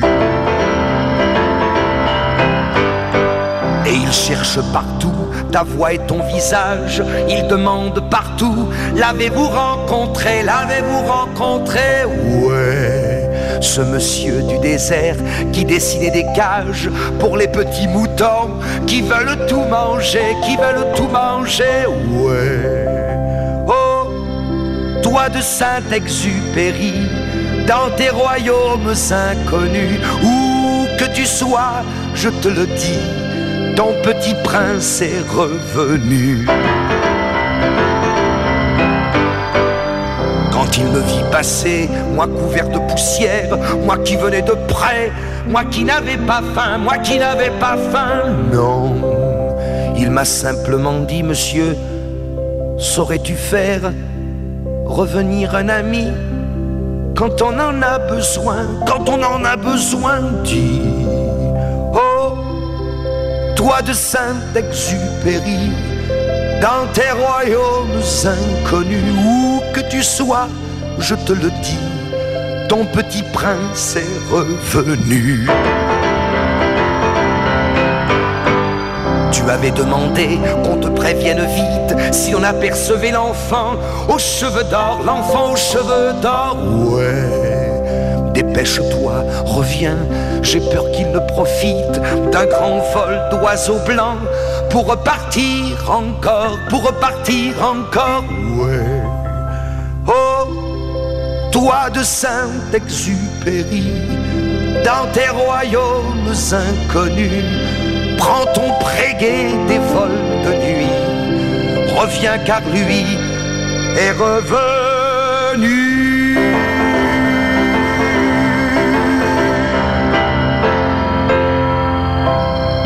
Bécaud met Le Petit Prince est revenu. Michou Verleijen, dat is een dubbele liefde, denk ik. Zowel voor Bécaud als voor eh, Le Petit Prince. Ja, Bécaud, dat was monsieur Samuel Volt hè, in onze tijd. Maar zeker voor Le Petit Prince, dat is een boek dat al mijn hele leven meegaat. Ja. Dat is een, uh... Wat is je vroegste herinnering aan uh, Le Petit Ik denk dat ik het eerst in het Nederlands gelezen heb. En ik heb het ook nog zien uh, spelen door ehm, Frida Pitoors en ik kan nu op de naam niet komen, maar dat doet er niet toe. En dan in de, heb ik het in het Frans gelezen. En dan heb ik met mijn zus in de middelbare school daar stukken uitgespeeld op schoolfeesten. En dan pas later ben ik het helemaal gaan teruglezen. En hebben we op een uh, brokante, mijn man en ik, die een plaat gevonden waarop dat, dit liedje stond. En ik vind dat nu zo mooi. Zijn tekst eindigt die prins van als je hem ziet, schrijf me dan dat hij terug is gekomen. En Beko antwoordt nu, ik heb hem gezien, kom terug. Hè? Ja. Dans tes royaumes zijn connu. Je bent natuurlijk een kenner van uh, kinderliteratuur, jeugdliteratuur. Hè? Daar heb je een grote verzameling van, maar ook van 19e-eeuwse literatuur. Hè? Ja, ja, ja, ik ben dol op de 19e-eeuwse klassieken. Dat is een liefde die ik deel met uh, Rick van Kouwelaert. Een man die ik overigens zeer bewonder. En... Uh, Welke namen moeten we lezen volgens jou en waarom? In, in België moet je zeker al, ik vind Cyril Buisen, dat moet je lezen. Dat moet ja. je echt lezen, dat is geweldig. Uh, Ondanks de taal van toen? Ja, maar hij heeft ook in het Nederlands geschreven. Hij heeft niet enkel het gezin van Pamel geschreven, dat heeft hij geschreven. Mensen denken dat is in een archaïsch Nederlands, dat, uh, dat is moeilijk te lezen. Nee, dat valt best mee, vind ik. Ja. Mm -hmm. ja. Uh, bij Conscience, dat is nauwelijks nog te lezen in de originele versie. Maar Conscience kende ook niet goed Nederlands natuurlijk. Hè. Die ja. kende beter Frans. Buisen. Maar ik vind ook bijvoorbeeld uh, de, de gezuster Sloveling of Marie Belpère vind ja. ik toch wel die we echt moeten lezen. De, allee, ik vind dat wonderlijk. Ik heb het daar vaak over met vrienden. Waarom, het gaat ook voor Nederland op. Hè. Waarom wij in Nederland en Vlaanderen onze klassiekers zo slecht kennen. Dat is niet zo in Engeland. Dat is ook niet zo in Frankrijk. Dat is ook niet zo in Duitsland. Maar hier in, enfin in het Nederlands taalgebied, die klassiekers die worden gewoon weg. Ja. Dat, dat moeten we niet kennen. Toch eens checken op Lang Zullen We Lezen, de nieuwe uh, online bibliotheek ja. die VRT heeft gelanceerd. Hoeveel mensen daar onze klassieken al hebben in de bibliotheek uh, gezet, in ja. hun eigen boekenkast. Um, hoe oud ben jij ondertussen? Ik ben 70. 70. Ja. Gevierd al? Of moet het nog komen? Nee, nee, ik ben jarig op 3 januari. Uh, maar we vieren dat altijd wat later, want iedereen is dan de feesten zo beu. Mm -hmm. uh, dat, ik dacht dat we het in maart hadden gevierd of zoiets. ja. ja. Wat zou je echt nog willen in je leven? Ik ben best tevreden zoals het echt nu is, ja. ja. ja? Ik zou heel graag natuurlijk uh, Robin, onze kleinzoon, zien opgroeien. Dus nog een tijdje blijven leven, in, liefst in goede gezondheid. En welke toekomst wens je hem toe? Dat hij mag doen wat hij graag wil. En dat bedoel ik niet verwend worden, hè? maar dat hij de keuzes mag maken die hij wil maken. En niet opgedwongen keuze, gedwongen keuzes omdat ja, het nu eenmaal zo hoort of zo. Dat hij echt uh, een vrij kind wordt. Mm -hmm. Je bent ook bijna 50 jaar getrouwd, hè? Ja, ja. Hoe bijzonder is dat nog in deze tijd? Maar wij zeggen soms lachend dat we moeten subsidies krijgen als uh, uitgez... Ja. Maar ja, mijn, mijn man is nog steeds mijn beste vriend. We zijn een beetje Siamese tweeling aan het worden, zeggen we. Maar we doen heel veel dingen samen. We doen ook wel dingen alleen. Maar hij is eigenlijk wel echt mijn beste vriend, ja. Kan je zeggen wat de lijm zo sterk maakt tussen jullie? Mekaar vrijheid geven, denk ik. Ja. Uh -huh elkaar vrijheid geven en, en humor is ook wel belangrijk. Mm -hmm. Dus de vrije liefde was niet aan jou besteed als nee. mij 68er? Nee, ik denk dat, dat uh, een groot misbruik was van vrouwen ook, die vrije liefde. Ja? Ja, ik denk dat wel. Ja. Heb je dat gemerkt, gezien? Nee, maar ik vind... Uh, als iemand echt wil verschillende verhoudingen aangaan, serieel monogaam zijn, zoals men dat tegenwoordig noemt, dan mag dat best voor mij. Maar ik dacht toen dat er een. Of ik voelde dat toch zo aan dat er een soort dwang was van. Ja, die, die ene grote liefde, dat bestaat toch niet, laten we maar vooral plezier maken. En ik denk dat dat bij mensen ook zo was, als die inderdaad uit, uit gezinnen of scholen kwamen waar seksualiteit verborgen werd, geheimzinnig werd overgedaan. Dat was bij ons thuis niet zo. Ik had ook broers, dus ik, ik wist wel hoe jongens eruit zagen en wat uh, onnozele dingen die konden doen. Terwijl veel meisjes, als we het eerste jaar aan de NIF kwamen, dat was de eerste keer dat die met jongens in één zaal zaten, bij wijze van spreken. En voor jongens ook. Hè. Hmm. Maar ik vond die jongens in dat eerste jaar toch nogal onnozel, eerlijk gezegd. Maar ja, dat is een. Uh, ik had broers hè, en ik had die vrienden gezien. Ja, dat was toch wel anders. Welke boodschap wil je hier nog meegeven? Twijfel aan alles en vooral aan jezelf. Ik word heel moe van mensen die zo meteen een oordeel klaar hebben, dat dan via Twitter of Facebook meteen verspreiden. Heel mijn opleiding als historica heeft mij geleerd dat er altijd minimum twee kanten aan een verhaal zijn. En dat een oordeel moeilijk is. En als ik journalist was, werd dat zeker zo. Want uh, mijn vroegere ook hoofdredacteur Frans Fuga zei altijd: wij worden betaald om wantrouwig te zijn. En dat is een hele goede definitie van een journalist. Het is wel moeilijk, omdat je mensen niet altijd gelooft, natuurlijk. Ik heb nog muziek uit 1968 van Johnny Cash. Oh. I hear the train a coming, it's rolling around the bend. And I ain't seen the sunshine since I don't know when. I'm stuck in Folsom Prison, and time keeps dragging on. But that train keeps rolling on down to San Antone. When I was just a baby, my mama told me, son, always be a good boy, don't ever play with guns. But I shot a man in Reno just to watch him die. When I hear that whistle blowing, I hang my head and cry.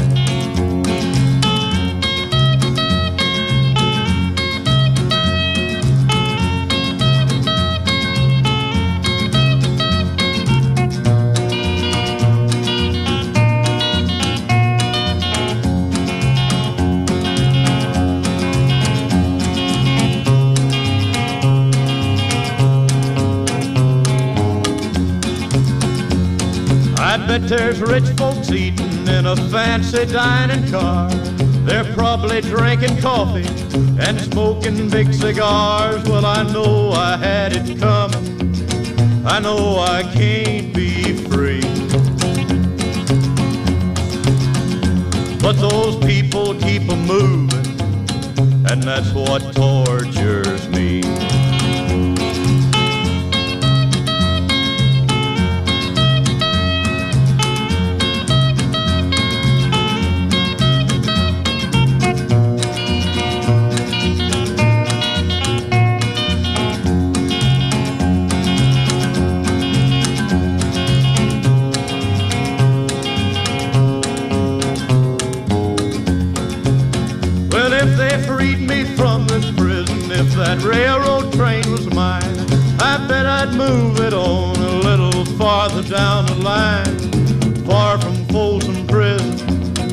That's where I want to stay. And I'd let that lonesome whistle blow my blues away.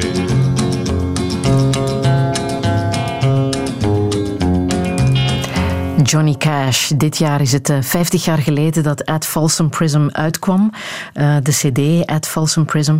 Radio 1 viert dat met een Johnny Cash sessie op 22 juni in het Openluchttheater Rivierenhof in Deurne. Tickets zijn te bestellen via radio1.be. Ik wil je hartelijk danken, Michou Verleijen. Alle info staat ook op onze website. Daar kan je de gesprekken van alle mei-68ers trouwens herbeluisteren. En volgende zondag praat ik hier met mijn pensioengerechtigde collega en dat is Jan Houtkiet. Radio 1